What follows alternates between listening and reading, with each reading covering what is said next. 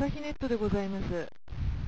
朝日ネットでは東京03地域を除く全国のアクセスポイントを変更しました。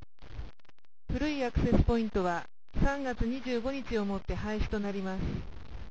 新しいアクセスポイントへの接続方法についてご質問の方は、ダイヤルボタンの1を押してください。それ以外のご質問の方は、そのままでお待ちください。